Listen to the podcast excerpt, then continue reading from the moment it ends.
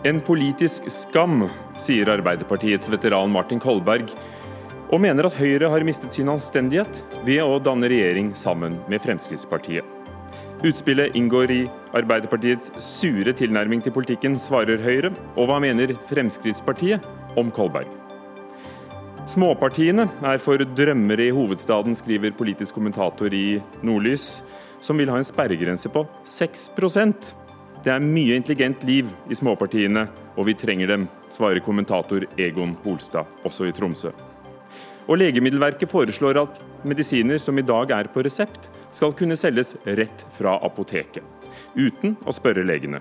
Legene reagerer og mener at pillene vil flyte fritt.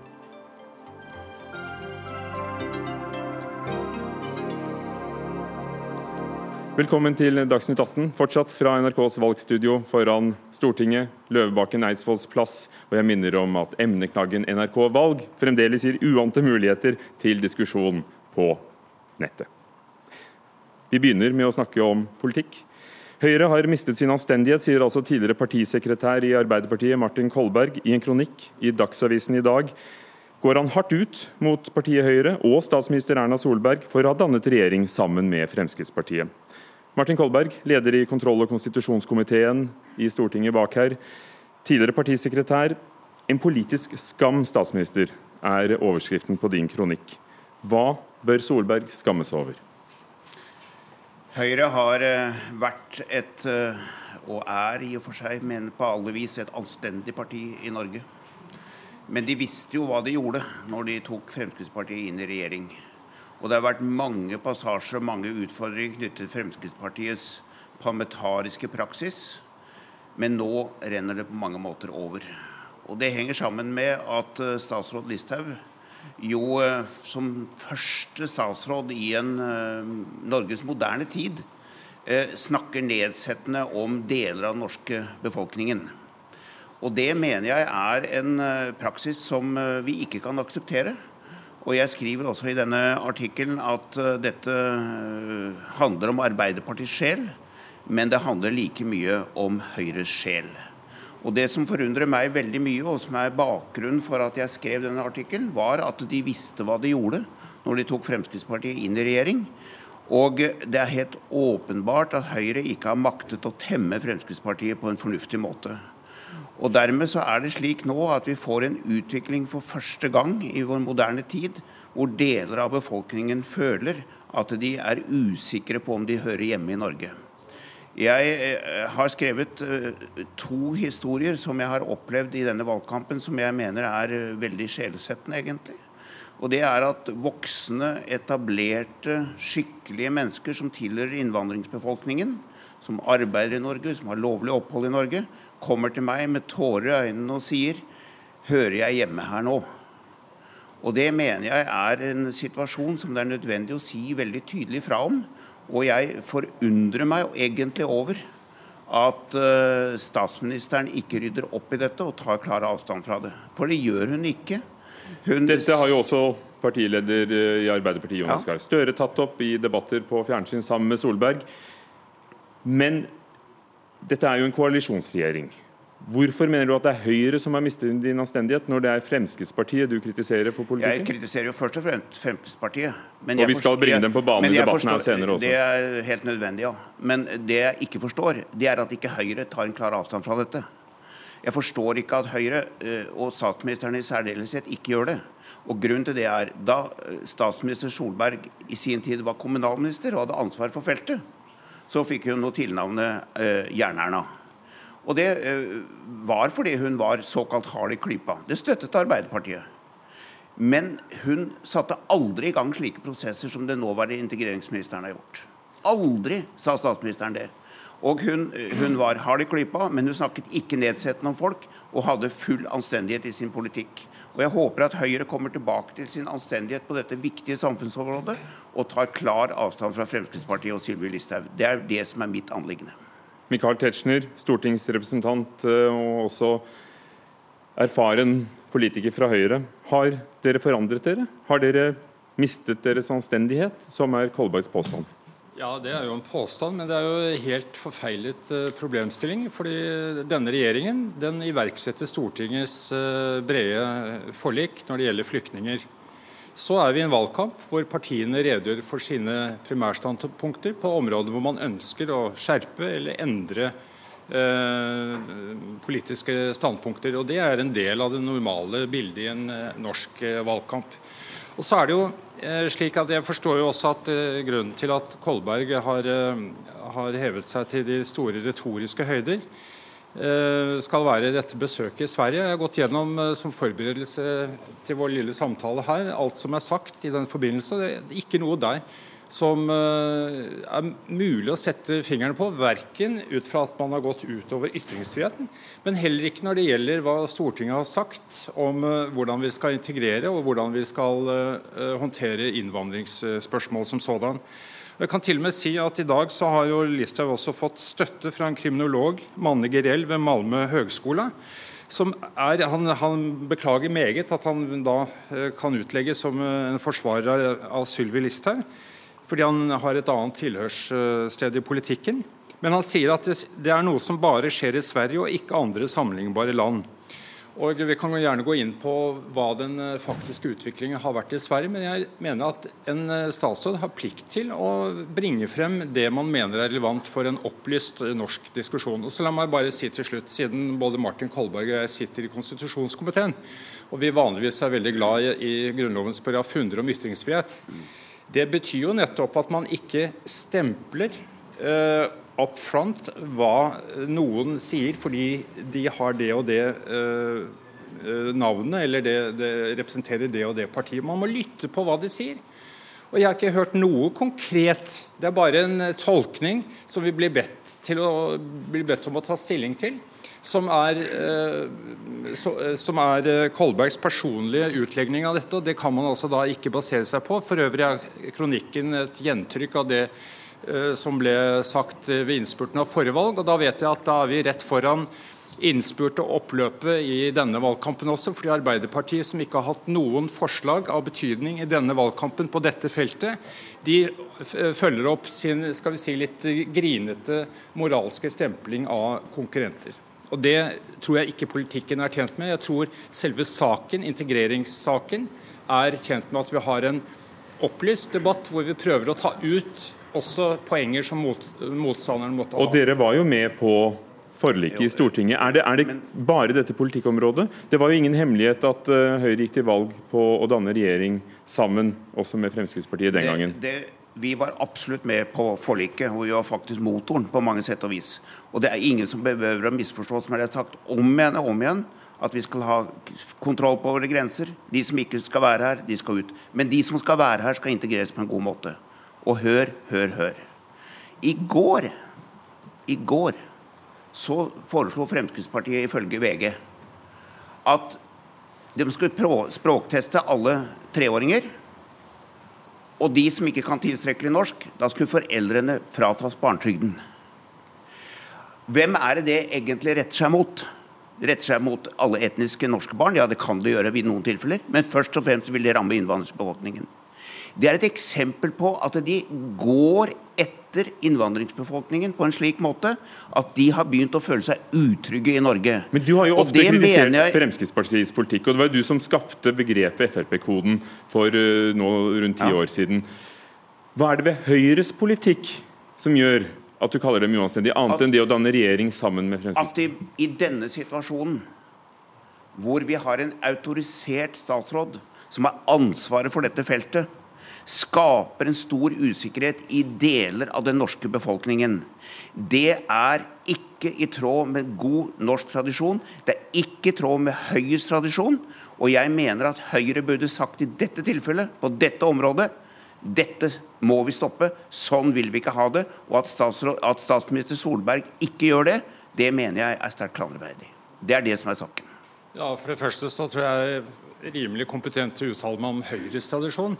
Men hvis vi holder oss til Kolbergs agering i valgkampens eh, sluttfase, så har vi sett fra tidligere at han henter frem eh, de veldig sterke betegnelsene av politiske konkurrenter, særlig Fremskrittspartiet, som får sitt pass påskrevet. Det er jevnstøtt. Og det bidrar i seg selv til en polarisering som jeg mener at den underliggende debatten er for alvorlig til å uh, bli skjemmet av. Så skal vi ikke selv i en valgkamp prøve å slå av litt for kjente, og så gå inn og se hva er det som fungerer, hva er det som ikke fungerer i Sverige. Der er det andre ting ved sosialistisk boligpolitikk, bl.a. millionprogrammet, som gjorde at man hadde nedslitte områder som sto klare til å ta imot folk som ikke Mikael, var med i arbeidslivet. Jeg skal ikke avbryte deg, Mikael, men det, det, det, men ikke gjør det, da. Ja, men så ikke gjør det. Eh, så, så la, oss eh, ta en la oss ta en diskusjon om dette, og la oss da ikke videreføre den svenske eh, borgfreden som lenge har gått ut på å ikke snakke om problemene, det har ført til at eh, svenske velgere har måttet henvende seg til et fullstendig uakseptabelt pariaparti for å i det hele tatt få en kanalisert eh, syn på at en, en, nasjon må ha lov til å bestemme hvem som kommer, og vi må ha lov til å, å stille krav. Og så kan jeg også si at det er, det er, jo ingen som har gjort så mye for integreringen som denne regjeringen. De har opprettet en egen integreringsområde Eh, Eh, for, for en statsråd. Og det er gjort godt arbeid ute i kommunene, også av Fremskrittspartiets eh, ordførere. Så vi klarer begge deler. Vi klarer både å ha en realistisk debatt om innvandring og flyktningretten, samtidig med at vi integrerer på en god måte. Jeg vil bringe inn Jon Georg Dale, landbruksminister fra Fremskrittspartiet, fra vårt studio i Molde. Hvordan reagerer du på Kolbergs kronikk i dag? Nei, Det er jo ingenting nytt under solen fra Martin Kolberg. Hans antipati mot eh, Fremskrittspartiet er jo vært kjent så lenge jeg har drevet med politikk. Det som er forunderlig, er at Arbeiderpartiet nok en gang bruker tida si på å diskutere Sylvi Listhaug, og ikke de reelle utfordringene som vi har hatt i innvandrings- og flyktningpolitikken.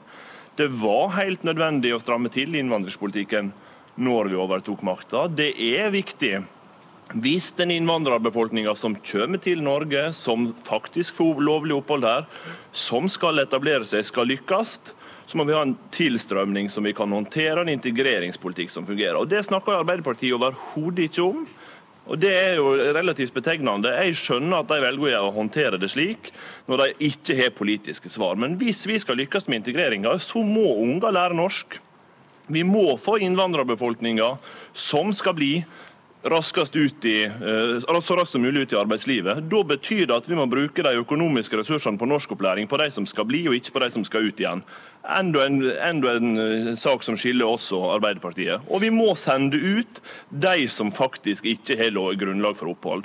Og Arbeiderpartiet har nå brukt de siste ukene, både fra Jonas Gahr Støre, deretter Trond Giske, nå Martin Kolberg, på å svartmale denne situasjonen vi er i. Det går gjennomgående godt i Norge. Vi lykkes med integreringa. Stadig flere innvandrere opplever at eh, at de uh, i arbeidslivet får likere og likere muligheter. Og I stedet for å glede seg over det og se på hva slags forbedringer kan vi gjøre, så havner Arbeiderpartiet i sin sedvanlige svartmalingsposisjon. Dale, uh, eller for å gå til deg først, Kolberg. Er det andre områder i politikken hvor du mener at Høyre ikke burde ha samarbeidet med Fremskrittspartiet, eller er det, er det, det området med innvandrings- og integreringspolitikk? I hele tatt så er det jo slik at Når du slipper Fremskrittspartiet inn i regjeringskontorene, så flytter du også partiet Høyre i tydelig høyreretning. Og det er det vi har sett. Men det som er det viktigste anleggene her, bortsett fra at de visste hva de gjorde, det er jo at de nå lar denne retorikken, som, som da spesielt Listhaug presenterer, gå sin gang fordi de ser det som hensiktsmessig. Og det mener jeg er veldig utfordrende, fordi Høyre har aldri i norsk historie oppført seg på den måten før. Slik at eh, Fremskrittspartiet har lykkes i selvfølgelig å flytte eh, eh, Høyre til Høyre. Også på andre områder? Økonomisk politikk, landbrukspolitikk? Det er, det er, flere områder, absolutt. Men det er dette som er det viktige. fordi det blir hele tida sagt nå må Kolberg snakke om egen politikk. Det sier de hele tiden. Dette er Arbeiderpartiets egen politikk. Det er ingenting egentlig som er viktigere i denne valgkampen enn det som denne debatten dreier seg om. Det er nemlig å holde fast på tilliten mellom menneskene, og så kommer en viktig setning menneskenes tillit til staten. Fordi det er en autorisert statsråd som gjør dette, og statsministeren lar det gå, og Høyre lar det gå. Jeg forundrer meg mye om dette. Og jeg kan diskutere innvandringspolitikk med Michael Tetzschner og med Dale her. De snakker egentlig om noe helt annet. Michael Tetzschner snakker hele tiden om Sverige. Ja, jeg, jeg, Norge er ikke Sverige. Vi vil ikke at Norge skal bli Sverige. Derfor har vi inngått forliket. Vi er tydelige på det, men vi er tydelige på at de som har fått plass i Norge, de må bli respektert og akseptert, og ikke bli snakket ned og ut. Og Det er det som er tema, og jeg beklager at partiet Høyre lar dette gå. Dale, er det andre områder, du som er den eneste av oss her som eh, sitter i regjering, andre områder i politikken hvor dere er vel så uenige? Nei, Jeg mener jo at det er et klart skillelinje i denne valgkampen. Et Arbeiderparti som eh, var med å invitere stadig flere til Norge for et par år siden. Vi håndterte den situasjonen som fulgte av det. Men hvis vi snakker om, vi mente egentlig arbeidet men, i regjeringen, er det andre konfliktområder mellom dere og Høyre hvor dere ifølge Kolberg har dratt Høyre til Høyre? Vi prøver jo å få mest mulig gjennomslag for vår politikk, og det skal vi være veldig glade for at vi f.eks. har fått i innvandrings- og flyktningpolitikken. Når eh, Martin Kolberg går i strupen på Sylvi Listhaug, så fører hun altså den politikken som både Frp kjempa for i mange år, som vi har fått gjennomslag for i Stortinget. Og Det viktigste av alt er at Martin Kolberg prøver å gjøre dette til en diskusjon om enkeltuttalelser fra statsrådene. Det handler overhodet ikke om det. Det handler om vi skal lykkes med integreringspolitikken. Skal vi gjøre det, så må vi ha en stram og rettferdig innvandringspolitikk. Og vi må gjøre de grepene som faktisk fungerer i innvandrings, innvandrings- og integreringspolitikken. Og så sier Martin Kolberg, som Jonas Gahr Støre sier det, at den kan vi ta igjen når som helst. Men de vil aldri diskutere substans, nettopp fordi de vet at de har flytta seg etter Fremskrittspartiets innvandrings- og integreringspolitikk i 15-20-30 år. Tetzschner, hva vil du si har skjedd med Høyre under fire år i regjering? For, for noe forandring blir det vel i et eh, parti og i en politikk ettersom årene går uansett? Ja, jeg har fulgt dette innvandringsfeltet, for jeg satt i kommunalkomiteen i forrige periode. Men er det bare innvandring om? Da kan jeg bare si det at De lovforslagene vi fikk fra Arbeiderpartiets forrige justisminister Grete Farmo, de var eh, skal vi si, et sted mellom Høyre og, og Fremskrittspartiet. Og Jeg vil også minne om at de eneste mistillitsforslag som er stilt fra Arbeiderpartiet mot uh, landets justisminister, den, uh, altså Anundsen, de gikk jo nettopp ut på at uh, Anundsen ikke hadde endret instruksen til embetsverket om utsending, rekkefølgen utsending av, av, folk med avslåtte asylsøknader, som hang igjen fra Farmo. Så vi har sett et taktskifte Eh, hos Arbeiderpartiet. Og siden eh, Kolberg må kunne si litt mer om Arbeiderpartiets politikk, annet enn å ta avstand fra Fremskrittspartiet og eventuelt eh, anklage Høyre for å samarbeide med et stortingsflertall, så kan jeg tenke meg å høre hvordan vil han og Arbeiderpartiet legge opp til en liberalisert innvandringspolitikk basert på SV og andre partier jeg må stille spørsmål, fordi SV var det eneste partiet som stilte seg utenfor uh, flyktningforliket. Det er mer interessant å høre hva Arbeiderpartiet har tenkt å gjøre neste periode. og Det hadde vært fint hvis de av og til kunne omtale sine egne planer for Norges fremtid, og ikke bare være misfornøyd med at Høyre og Fremskrittspartiet fant sammen i regjering og de to andre partiene som støttepartier for fire år siden. SV og, og De Grønne, var det ikke? De også, ja. Vi kommer ikke til å liberalisere eh, innvandringspolitikken. Det er ikke Arbeiderpartiets politikk. Vi kommer til å stå på stortingsflertallets og forliket. Så hand, Denne saken handler ikke om det. og jeg vet ikke om... I et land som vårt forstår du at, at alle partier nei, må samarbeide med andre, ja, og Fremskrittspartiet er et stort parti? Ja, men, men det er ikke, denne saken her handler om noe annet. Og jeg legger merke til at både Michael Tetzschner og Dale forsøker å snakke om noe annet enn det jeg har tatt opp.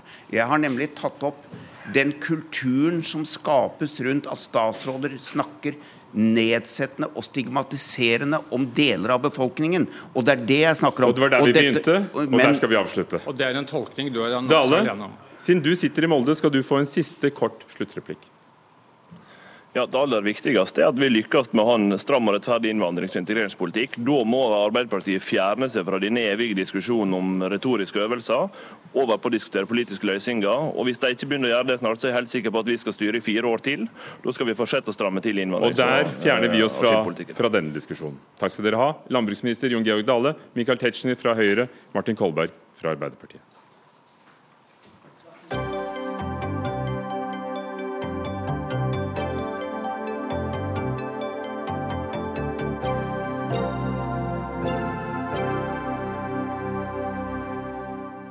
Skal apotekene kunne selge medisiner som i dag krever resept, helt uten å spørre legen, som aldri får gitt noen diagnose, men fordi disse da pillene havner i en egen og ny kategori, men du skal få en veiledning fra farmasøyten.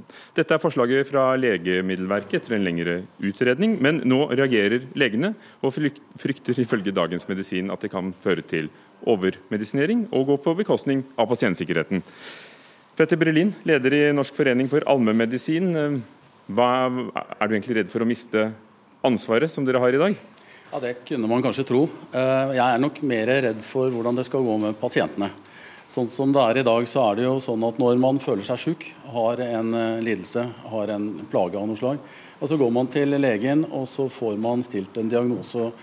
Legen stiller en diagnose basert på en samtale, på en personlig undersøkelse, man kan ta noen blodprøver, man kan kanskje ta noen bilder. Og På bakgrunn av den ganske grundige undersøkelsen og den kompetansen som legen besitter, så stiller man en diagnose og bestemmer seg for hvilket medikament man skal bruke hvis pasienten trenger et medikament. Det ser vi for oss at det grundige medisinske arbeidet det kan man ikke eh, gjøre i et apotek. og Da blir vi bekymra for at pasientene blir lidende under det. Steinar Madsen, eh, medisinsk fagdirektør i, i Legemiddelverket. Aller først, hvilke piller er det du, dere tenker på? Altså, Hvilken type medikamenter er det som eventuelt, uh, etter at uh, en produsent har søkt om tillatelse, kan selges uten resept? Ja, Det vet vi rett og slett ikke ennå. fordi Dette er bare forslag som skal danne rammen for det videre arbeidet. Det skal gjøres masse arbeid på dette området, både sammen med Legeforeningen og Apotekforeningen for å finne frem til fornuftige ordninger. Så nå vil du betrygge dem, men dere må jo ha tenkt litt på at det finnes en kategori medisiner ja. som dere mener er ja. hardere enn uh, hodepinetabletter, men mykere enn det som krever resept. Ja, la oss ta et lite eksempel. En pasient har vært hos Peder for noen år siden. Fått uh, diagnosen migrene. Migrene er noe som kommer og går. Jeg hadde migrene da jeg var liten. Jeg får anfall hvert femte år. Han vet at det er migrene. Så går han på apoteket og sier jeg vet jeg har migrene, jeg trenger å få en medisin. Det kunne være et godt eksempel. Det er selvfølgelig ingen fare for denne pasienten at han får hjelp av apoteket til å få en liten dose av en migrenemedisin for å hjelpe ham i en akutt situasjon. Og Det er det vi snakker om. Og Vi hører jo at fastlegene har for mye å gjøre. Noen steder er det ikke nok fastleger. Kunne ikke dette vært en litt lette byrden for fastlegene? å hjelpe pasientene raskere? Jo, Vi trenger jo å få lettet byrden. For uh, som du sier, så er det uh, en altfor stor byrde for veldig mange fastleger. Men vi må nok holde på det medisinske kjerneoppdraget. Vi, Hva kan gå gærent med denne pasienten? Denne pasienten har helt sikkert høyst sannsynlig migrene. Men det kan jo være noe annet etter alle disse årene. Kanskje han trenger en liten undersøkelse for å si at ja, det er fortsatt migrene, eller eh, nei. Denne gangen er det kanskje ikke migrene, det har utviklet seg til noe annet. Så Det er et ganske godt eksempel på at vi kan eh, komme til å gjøre feil ved å behandle sykdommer eh, uten en litt grundig medisinsk undersøkelse på forhånd. Annelise Christensen, pasient- og brukerombud i um, Oslo. Hva tror du? Vil det være til pasientens beste, eller vil vi gjøre pasienten en bjørnetjeneste? Eh, vi er alle pasienter i Norge helt overbeviste om at eh, du vil få ulikt svar hvem du spør. Men jeg tenker det er rimelig å problematisere det litt. Det syns jeg. Uh, og det er klart det er viktig hvilke medisiner det blir. Uh, men det som har opptatt meg, er også hva er det som skjer på et apotek. Et apotek er i stor grad blitt litt en butikk i dag. Uh, og dette forutsetter jo en økt grad av informasjon og samtale mellom de ansatte på apoteket og den som henvender seg for medisiner på apoteket.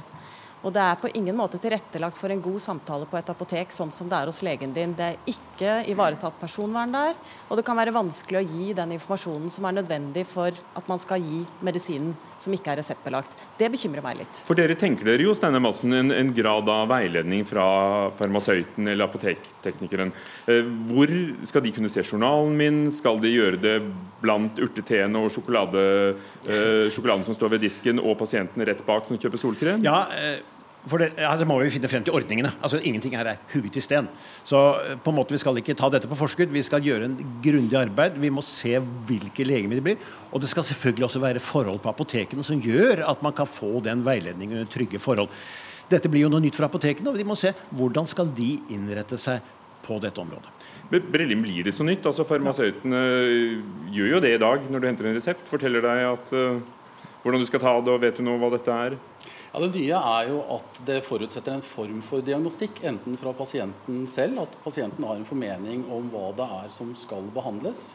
Og det vil jo de fleste sikkert ha rett i, men noen ganger så er det noe annet enn det man tror man er. Og så kan man få veiledning på apoteket, men eh, det blir nok litt sånn eh, over en disk på et apotek eh, der det foregår veldig mye andre ting.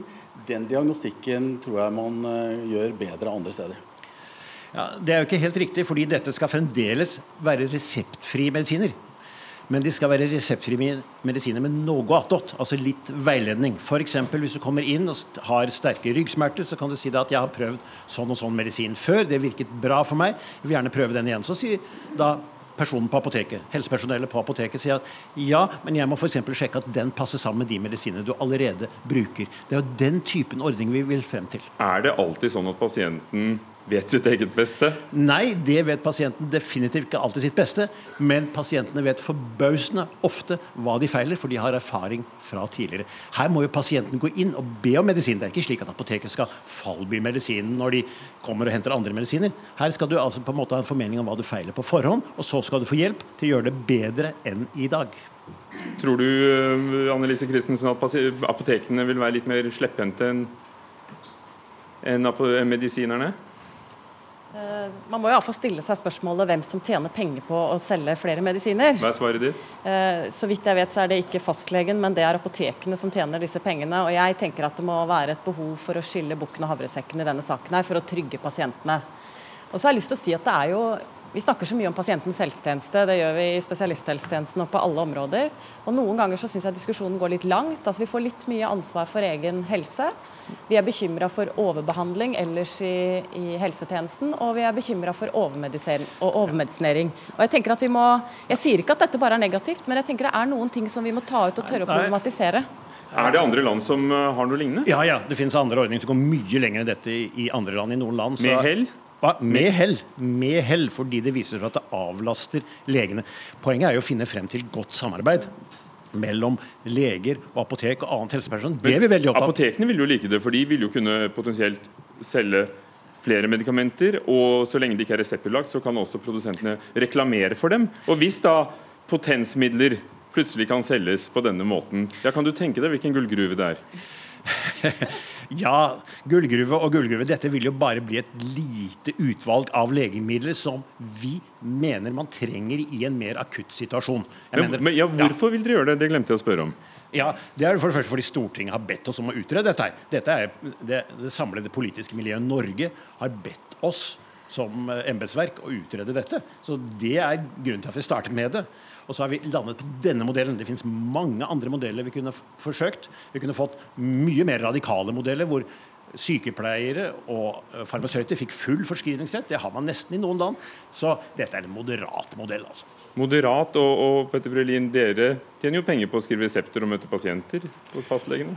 Ja, eh, men det er nok ikke den store inntektskilden hos eh, fastlegene. Og vi har, in vi har, ingen inntekt av å skrive resepten, vi har ingen inntekt av medisinsalget. sånn at den eh, tror jeg vi kan legge ned. Eh, det som er problematisk med denne modellen, er at den åpner opp for at man stadig innfører nye ting. Og den gir også en eh, viss myndighet til produsentene om selv å stå for utredning av hvilke medisiner som skal over på reseptfritak. De må jo søke og få et de må, ja, da. De må søke, men utredningen kan de stå for. Eh, og dette er sterke økonomiske interesser som jo nå kan anta vil føre til at stadig flere vil, eh, medisiner vil over på reseptfritak. Og, som, eh, og da bli en del av denne ordningen. Men det som klart ligger i dette også, er jo, det er jo sikkert litt sånn underliggende en liten kritikk av fastlegene. At det kan ta litt lang tid å få en resept. At det har noe med tilgjengelighet å gjøre. Og det er klart at Fastlegene må stadig fornye seg, det gjør de. Eh, og det må de fortsette med, sånn at det skal være enklere for oss å ta en telefon eller sende en e-mail eller noe som gjør at vi kan få en resept raskt, hvis fastlegen vet at det er et behov vi har. Vi får se hvordan det går med forslaget, som det foreløpig er fra Legemiddelverket. Steinar Madsen, medisinsk eh, fagdirektør der. Petter Brelin, eh, leder i Norsk forening for allmennmedisin. Og Annelise Christensen, pasientombud i Oslo.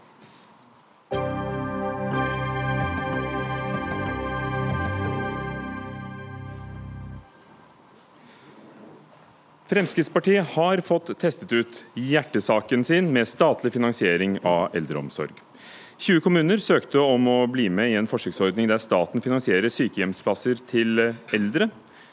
direkte, i stedet for å gi pengene til kommunen. Og Dermed vil staten sikre seg at eh, alle får et likt tilbud, uavhengig av kommunens økonomi. Dette er tanken bak reformen. Men så er det sånn at av disse 20 kommunene så har den ene etter den andre hoppet av reformen. Men Olav Breivik, ordfører fra Høyre i Hobøl kommune i Østfold. Dere har blitt i reformen, og dere er fornøyd. Hva har de gjort for dere? Nei, Det er jo mange ting og mange konsekvenser av det. Eh, vi var jo en kommune som hadde dårlig økonomi og nesten norgesrekord i Robek. Eh, vi trengte struktur på helsesektoren. Og Det som har betydd for oss, det er at det har blitt mye bedre kontroll på, på eh, måten vi tilbyr tjenestene på. Mer kvalitet på det. Og det blir, det blir også bedre på den økonomiske forutsigbarheten fordi at vi vet mer hvordan ting skal gjøres. Men, men, det har jo vært to måter å delta dette prosjektet på. Dere var i den såkalte A-modellen. Hvordan virker det?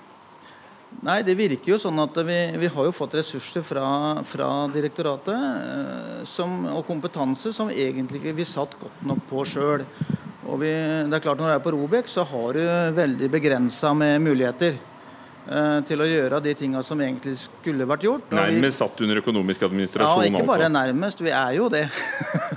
så, så, det er en tøff sak. og Det var derfor jeg gikk på som ordfører, for å rydde opp i økonomien, og det klarer vi. Er eldreomsorgen deres blitt bedre? Mye bedre. Og Det som er kanskje mest interessant, det var at uh, i denne tilfellet så var jo egentlig administrasjonen mot. Uh, og nå er de kjempefor. Eh, og, det er jo veldig gøy da, at både ansatte og, og, administrasjonen ser at dette var fornuftig. Det var jo mye usikkerhet i starten, og, og det ble jo veldig mye politikk av dette. Eh, noe som egentlig var helt feil. Og Det som er mest interessant, det er vel at de som egentlig ikke har deltatt, vet best hvordan dette her var, og hvor tåpelig det var. Men for oss så var dette veldig bra. Du møter jo andre som deltar i prosjektet. Hva, hva, sier de? Ja, Vi hadde jo en samling hos eh, statsråden, eh, helseministeren, og, og det var jo tverrpolitisk. Eh, og det var jo entydig positivt. Er det sånn at dette egentlig er bedre fordi dere får mer penger? Og derfor blir det bedre? Så enkelt? Nei, For oss så var det viktig å få kompetanse inn og struktur. Eh, og den, Det hadde vi ikke klart alene, for vi hadde ikke hatt de ressursene til å bruke såpass til å komme dit vi er nå. Er du en større kommune, så hadde du nok hatt større muligheter. Men eh, vi var en liten kommune på drøyt 5500 mennesker. Og med det utgangspunktet vi hadde, så var dette tøft. Inger Løite, ordfører i eh, Gjerstad kommune i Aust-Agder fra Arbeiderpartiet. Dere søkte om å bli med i prosjektet, men et enstemmig kommunestyre stemte nei. Og, og hva gjorde at dere snudde? Ja, Det var mange årsaker til det. Men for det første så må jeg jo si at det kom litt, litt forlokkende i starten. Og vi hadde en uh, grundig uh, prosess på dette. Det var faktisk ute til behandling i kommunestyret uh, tre ganger før vi bestemte oss. Vi første fikk tilbud om å være med på prøveordning B, som du nevnte. Eh, men eh, vi så etter hvert at det var ganske mange uklarheter og betenkeligheter eh, rundt denne ordningen. Men, men denne modellen Inge Løyte, den ville jo gjort at dere fikk da denne B-modellen som dere eventuelt skulle ha vært med i, at dere ville fått 4% mer på regnskapet deres. Det må da ha vært vanskelig ja. å takke nei til det? Nei, det var ikke så vanskelig når vi gikk inn i detaljene her. for det at beregningsgrunnlaget eh, for det vi skulle få, det, det, var jo da gjort på forrige års forbruk. Eh, og av helt spesielle og uforutsette årsaker så var forbruket i pleie og omsorg i Gjerstad det året på et unormalt høyt nivå. Og Hvis vi skulle ha blitt med i ordningen, så hadde vi altså vært nødt til å videreføre det unormale høye nivået. Vi kunne riktignok ha brukt noe av overskuddet til Eh, f.eks. investeringer i velferdsteknologi. Men å bruke så mye til pleie og omsorg ville nødvendigvis ha gått på bekostning av skole, barnehage og andre viktige tjenester som eh, kommunen skulle levere. For da ville jo dere da blitt eh, tvunget unnskyld meg, til å, til å beholde budsjettet fra året før, så hadde dere fått litt mer, ja. men det var unormalt høyt. Betyr det at det egentlig handler om at dere var redd for å, å, å miste litt uh, styringen med egen kommune? Ja, selvfølgelig. Eh, det var jo det vi gjorde. Det er jo helt klart en, eh, en svekkelse av, av, det lokale selvstyret. Og det er jo Eh, det er jo vel og bra at staten kan bidra sterkere til å sikre kvalitet og, og også finansiering av eldreomsorgen, men, men, vi vet nå en gang best lokalt hvordan pengene skal brukes. tenker for Det varierer, og vi er den som kjenner behovet best i vår kommune. Og i tillegg så virker det som en veldig byråkratisk ordning. Takk skal du ha, Inge Løite fra Arbeiderpartiet, ordfører i Gjerstad i Aust-Agder. Um, Olav Breivik eh, til slutt, ordfører i Hobøl fra Høyre. Du er ikke engstelig for å, å miste selvråderetten i kommunen, miste noe av nettopp lokaldemokratiet? Nei, altså i Norge, vi er en liten nasjon med fem, drøyt fem millioner mennesker. altså vi, vi, har kort vei til eh, beslutningstagere. og Det er jo ikke satt i gang et prosjekt der for å ta fra kommunen makt, det er jo å heve kompetansen. og Det har jo vist seg å være veldig bra. Takk skal du ha også. Ja, Trond Giske, stortingsrepresentant fra Arbeiderpartiet. Ja, nestleder i partiet også. Når vi hører om de positive resultatene fra Hobøl kommune, som var ett eksempel på de som var eh, fornøyd. Hvordan vurderer du resultatet av prosjektet? Jeg tenker vel at For en kommune som eh, er så økonomisk eh, skakkjørt at man har havna i Robek-lista og egentlig er satt under administrasjon, så vil ethvert statlig tilskudd være kjærkomment. Men dette forsøket bygger jo på at man skal bli trukket i rammeoverføringa og så få et øremerka tilskudd. Det er jo ikke masse ekstrapenger til Kommune-Norge som lå i et slikt forsøk. Og Da er jeg enig med ordføreren Gjerstad at eh, det hjelper jo ikke å få pengene bare via en annen konto hvis det ikke i sum i kommunen er nok til både en styrka eldreomsorg, til en god skole og en god barnehage. Det er jo til sjuende og sist hvor mye penger har du til sammen hvor mange ansatte kan du sette i verk med å ta vare på eldre, samtidig som du gir unger god skole, ikke om den kommer over den statlige kontoen eller via den kommunale kontoen. Bård Hoksrud, eldrepolitisk eh, talsmann i Fremskrittspartiet, med oss fra vårt studio i Porsgrunn. Hvordan oppsummerer du dette prosjektet, som har vært ditt hjertebarn, hvis vi kan si det? Jeg oppsummerer at dette har vært en kjempesuksess. Og det det egentlig handler om, og det som er det aller viktigste for Fremskrittspartiet, det er faktisk at de eldre som trenger pleie og omsorg, skal få det uavhengig hvor de bor i landet, og uavhengig av kommuneøkonomi og politikernes prioritering. Og jeg må si at jeg reagerer litt når jeg hører ordføreren i Gjerstad som sier at, sier at de ville brukt for mye penger på eldreomsorg. Jeg tror ikke så mange opplever at det er sånn at det er eh, flust av penger, og at man ikke behøver å bruke mer penger på eldreomsorg i kommunene. Og jeg synes at Ordføreren i Hobøl oppsummerte veldig bra eh, når han sier at eh, de, dette var kjempebra, de har øka kvaliteten og de kan gi bedre tjenester til de eldre i kommunen. og Det er jo det som er hele hensikten. Hoksrud, det hun sa var vel at de hadde hatt et unormalt høyt budsjett pga. uforutsette omstendigheter året før, og da ville de bli tvunget til å videreføre det, selv om det kanskje ikke var, var nødvendig. Men i bunn og grunn, kunne dere ikke da satt noen standarder for alle kommuner, og så kunne kommunene selv oppfylt det? Behøvde det å være statlig styrte penger? Ja, Poenget handler jo om at det skal være sånn at når man trenger en sykehjemsplass, og det er altså sånn at Vi har sett eh, i Åsnes Asbjørn som ikke fikk plass, som nekta å reise. Vi har sett det andre steder på Østlandet, Ester, som ikke får plass fordi kommunen har valgt å ikke bruke penger på eldreomsorg, men de har brukt det på andre ting og sørge for at disse ikke har fått de plassene.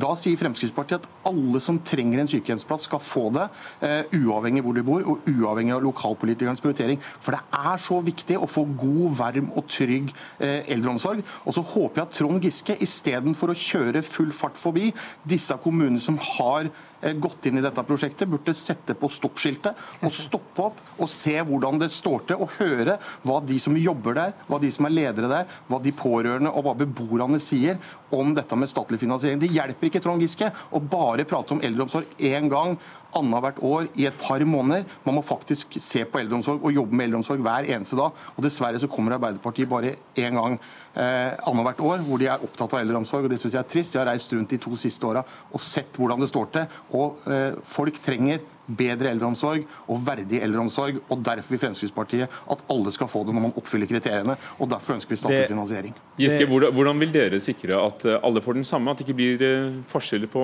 om du bor i den ene eller andre kommunen? Vi vil gjøre det som du egentlig spurte Hoksrud om. Vi vil innføre nasjonale kvalitetskrav som kommunene skal oppfylle, uavhengig av et øremerka tilskudd.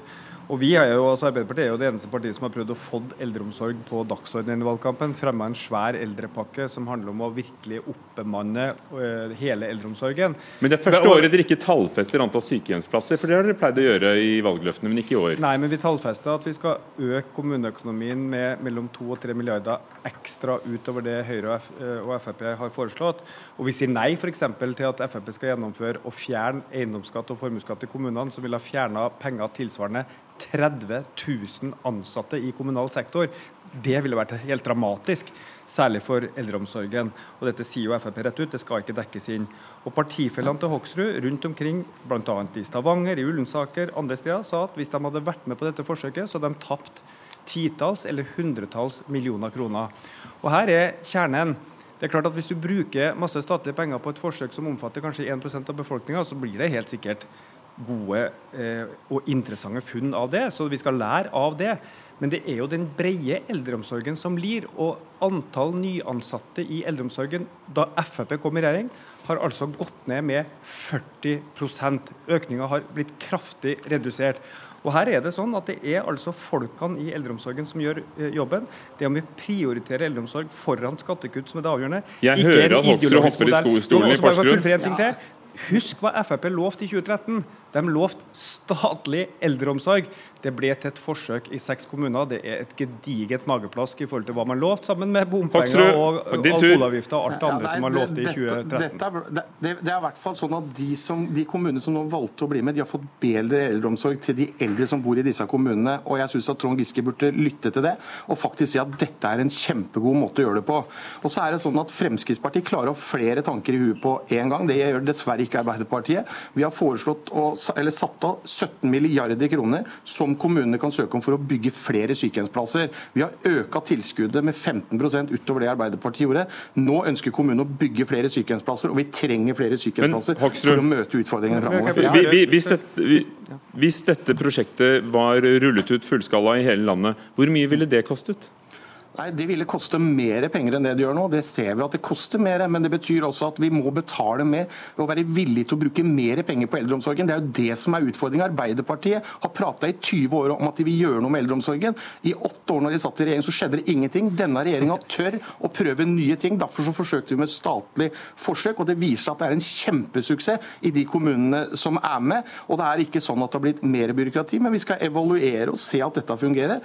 Og som ordføreren i Hobøl sa, de hadde aldri klart dette hvis ikke det var for denne ordningen. og Det viser altså at hvis vi ønsker at alle skal få det samme tilbudet over hele landet, ja, da, og, og, få den varme, trygge og gode eldreomsorgen, ja, da må vi ha en ordning hvor staten finansierer. Det skal fortsatt skje ute i kommunene, i den enkelte kommunen, men det må være en statlig finansiering. Hele den pakken for rehabilitering og nybygging og sykehjem, statlig tilskudd, dette var det vi som innførte, og vi har utvida det sammen. Nå, Dere er ganske enige om den, altså? Nå, ja, altså, det, ble, det ble innført av oss, og, og det er selvfølgelig utvida fordi at kommunene har store behov. Men det Høyre og Frp foreslår, er at det ikke lenger skal gis tilskudd til rehabilitering av sykehjem, bare til nybygg. Det betyr at mange sykehjem vil bli stående og forfalle. Men det er også sånn, Bård Hoksrud, at som jeg sier, antall nyansatte i eldreomsorgen har blitt redusert med 40% og du svarer ikke engang på det løftet dere som å fjerne 20 milliarder kroner i inntekt i kommunene. Det er sikkert kjempepopulært at eiendomsskatten skal bort, sikkert kjempepopulært at formuesskatten skal bort, men det medfører altså at kommunene må kutte tilsvarende 30 000 ansatte. Og dermed var vi over i skattedebatten igjen. Ja, det, Hoksrud. Det er jo pengene som avgjør om du har folk. Det er jo folka som gjør jobben. Trond, Trond, Giske forteller jo ikke sannheten. Altså, Eiendomsskatten står for under 3% av kommunens utgifter. og det er, det er fullt mulig å klare å se på å effektivisere. Og så er det altså sånn at Fremskrittspartiet Fremskrittspartiet ønsker full statlig finansiering av eldreomsorgen.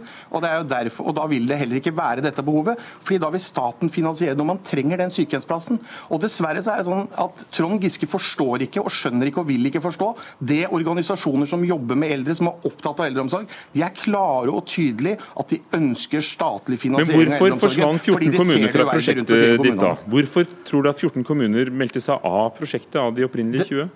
Dessverre så er det sånn at en del av de er ideologisk motstandere. I min hjemkommune så var det én stemmes overvekt eh, som stemte for at det ikke ble noe av dette forsøket. Kommunen, hvis den hadde vært til modell B, ville fått 9 millioner kroner mer. Det ville vært mye eldreomsorg i kommunen. Og sånn er det mange andre steder. Og så er det noen men, men kommuner samtidig, som kunne For Kommunal ja, Rapport har jo regnet ut at noen ville, ville tape penger. Narvik ville tapt 40 millioner, f.eks. Ja, men, men Men jeg vil bare si det at noen kommuner vil jo kunne komme litt dårligere ut når man starter en forsøksordning. og Det er derfor vi starter en forsøksordning, for å se og sørge for å, å kunne rette opp i det. og Det er derfor vi også har evaluering. Men vi mener, og vi viser, og de eksemplene og de, eh, de forsøkene vi nå har sett, de viser kjempegode resultater. De gir bedre eldreomsorg, verdig eldreomsorg i de kommunene som er innført. Jeg tror det er flere kommuner som angrer at ikke de ble med på dette forsøket, for det har vært en stor suksess. og Det er trist at Arbeiderpartiet bare prater det ned, ikke stopper opp og ser hvor godt det er. Som eh, assisterende rådmann i Lillesand kommune sa, de var skeptiske føre. Han har ikke angra et sekund etter at de ble med i forsøket, fordi han klarer, og kommunen og de ansatte klarer å gi de som bor der, et enda bedre eldreomsorgstilbud. Giske. Det burde Trond Giske også eh, lære å se til å sette i gang. Er det ideologiske forskjeller? Ga dere beskjed til Arbeiderpartistyrte kommuner om å ikke bli med? Nei, det gjorde vi ikke. Og det er Men når du hører det er jo Håber, det handler jo også om kompetanse, om standarder, ikke bare Ja om hvordan pengene kanaliseres. Men vi er veldig for vi, at det skal være tydelige standarder for, for kvaliteten på eldreomsorgen i eh, Norge. At det skal være oppfølging av de kommunene som sliter. At det skal være etter- og videreutdanning for dem som jobber i eldreomsorgen, og gode tilbud. Men ikke på masse, det, er jo, det, er jo, det er jo mer enn nok Høyre- og Frp-kommuner i Norge til at du kunne ha fylt opp 20 stykker i, i et forsøk. Men Høyre- og Frp-kommuner sa også nei, for at de mente at dette var byråkratisk, og at det viktigste for en god eldreomsorg er faktisk å ha penger til å ansette flere, pusse opp sykehjem, ha gode hjemmehjelpstjenester, ha folk i disse institusjonene, og det er der Frp svikter. Og da tror jeg dere Eh, begge har fått en eh, pedagogisk repetisjon fra hver deres hovedpoeng. Bård Hoksrud, jeg må si takk til deg også, som er altså fra Fremskrittspartiet og eldrepolitisk talsmann og sitter på Stortinget. Og Trond Giske, nestleder i Arbeiderpartiet.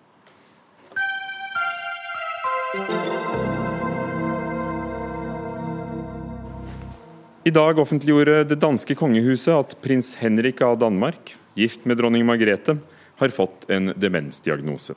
Offentliggjøringen kommer etter eh, at den danske prinsen har eh, vakt mye oppmerksomhet de siste månedene med flere uttalelser han har kommet med.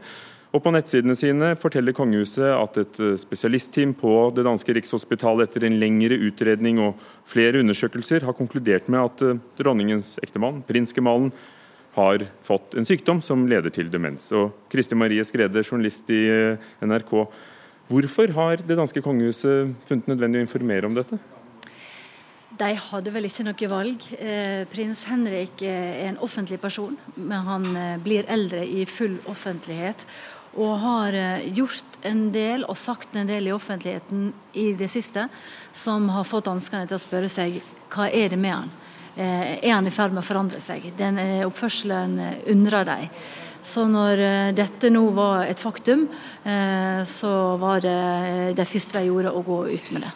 Prins Henrik er 83 år gammel, opprinnelig fransk.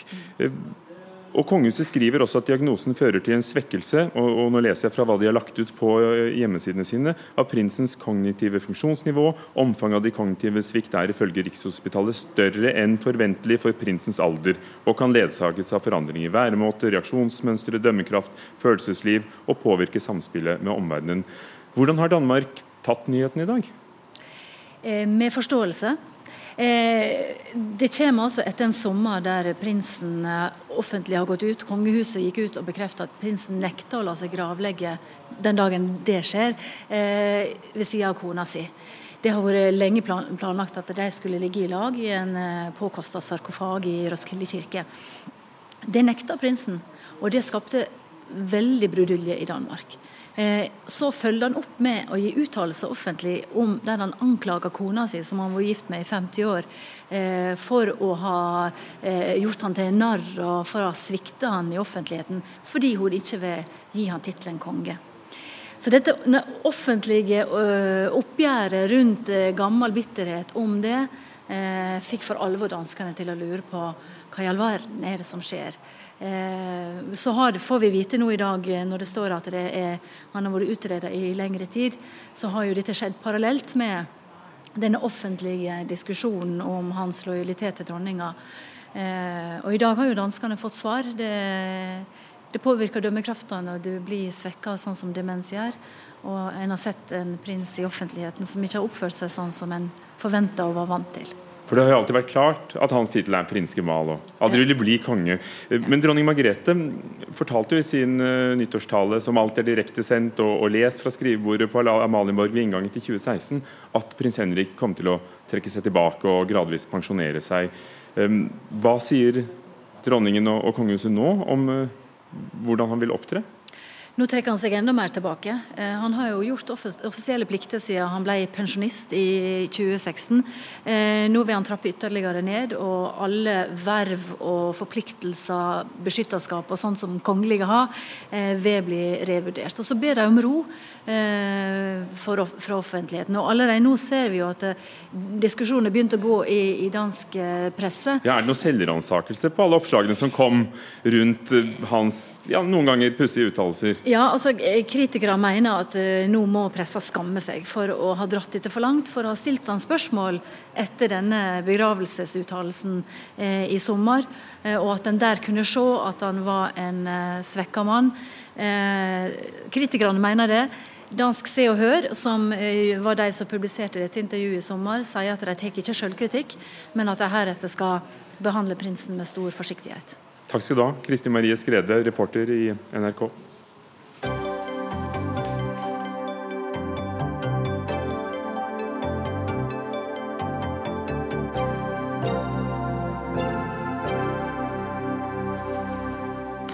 Sperregrensen bør opp på 6% sier politisk redaktør i Nordlys, Tromsø-avisen, som er lei at småpartier bestemmer hvem som får statsministeren. Men det er mye intelligent liv i de små partiene, og vi trenger dem, sier kommentator Egon Holstad i Konkurrenten i Tromsø. La oss begynne med deg, Egon Holstad, kommentator i avisen i Tromsø. Dere sitter sammen i, i studio i, i, Tromsø. Hvorfor rykker du ut til forsvar for eh, de mindre partiene?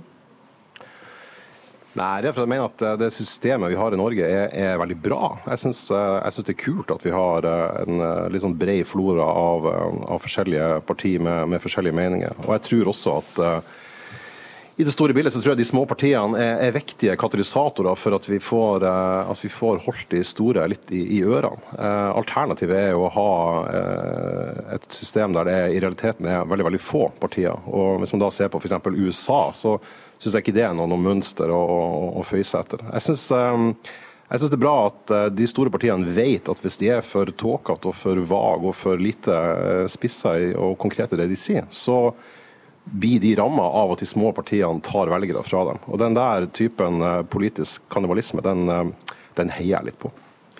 Skjalg Fjellheim, det er du som er den politiske redaktøren i Nordlys, som tar til orde for en sperregrense på 6% Vil du vil du at vi skal kvitte oss med det politiske mangfoldet i, i salen bak oss?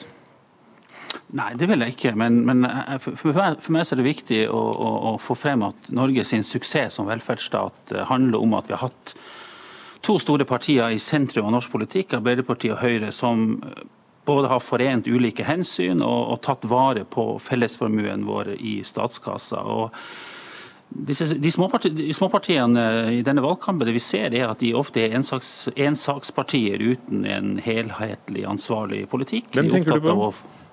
Ja, så jeg tenker på Miljøpartiet De Grønne, f.eks., som jo kun har klimasaken som sin sak. Også nevner Kristelig Folkeparti, som har, har eh, kontantstøtten og, og uhjelp som, som sine, sine viktigste saker. og man kan ofte Eh, ofte så aner at disse partiene ikke har noe helhetssyn. og Det syns jeg er et, et, problem. og At et lite parti som har 4% av velgerne bak seg, skal kunne avgjøre hvem som blir statsminister i Norge, det, det syns jeg er en uheldig situasjon. Egon Holstad, du, kan du rykke ut i forsvar, for vi har, ikke, vi har verken Kristelig Folkeparti eller MDG her? Nei, Nå vil jeg, eh, vil jeg neppe bli, bli huska for han som forsvarte Kristelig Folkeparti og Miljøpartiet De Grønne til, til, sin, til sin, død.